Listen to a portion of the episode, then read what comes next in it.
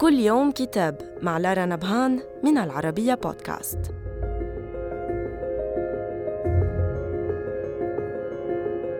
نتناول اليوم كتاب حلم ماكينة الخياطة وهو رواية من تأليف الكاتبة الإيطالية بيانكا بيتسورنو وترجمة وفاء عبد الرؤوف البه تمزج فيها الكاتبة ما بين فعل حياكة الثياب ورتق أجزاء الحكاية المبعثرة فيبدو تتبع حكاية بطلة الرواية الخياطة المتواضعة أقرب لجمع قصاصات القماش التي كانت تدخرها منذ كانت في السابعة من عمرها إلى أن تصير جدة تعلم أحفادها تثبيت الأزرار وتوشية حواف القماش بالغرز الرقيقة.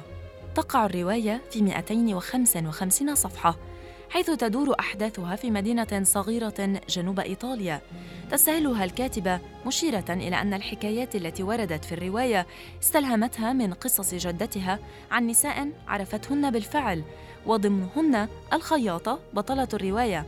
مع مسحة من الخيال وبعض الرتوش تساعد في نمو الشخوص والأحداث خاصة أنها واكبت فترة عصيبة ما بين الحربين العالميتين ضرب فيها وباء الكوليرا المدينة.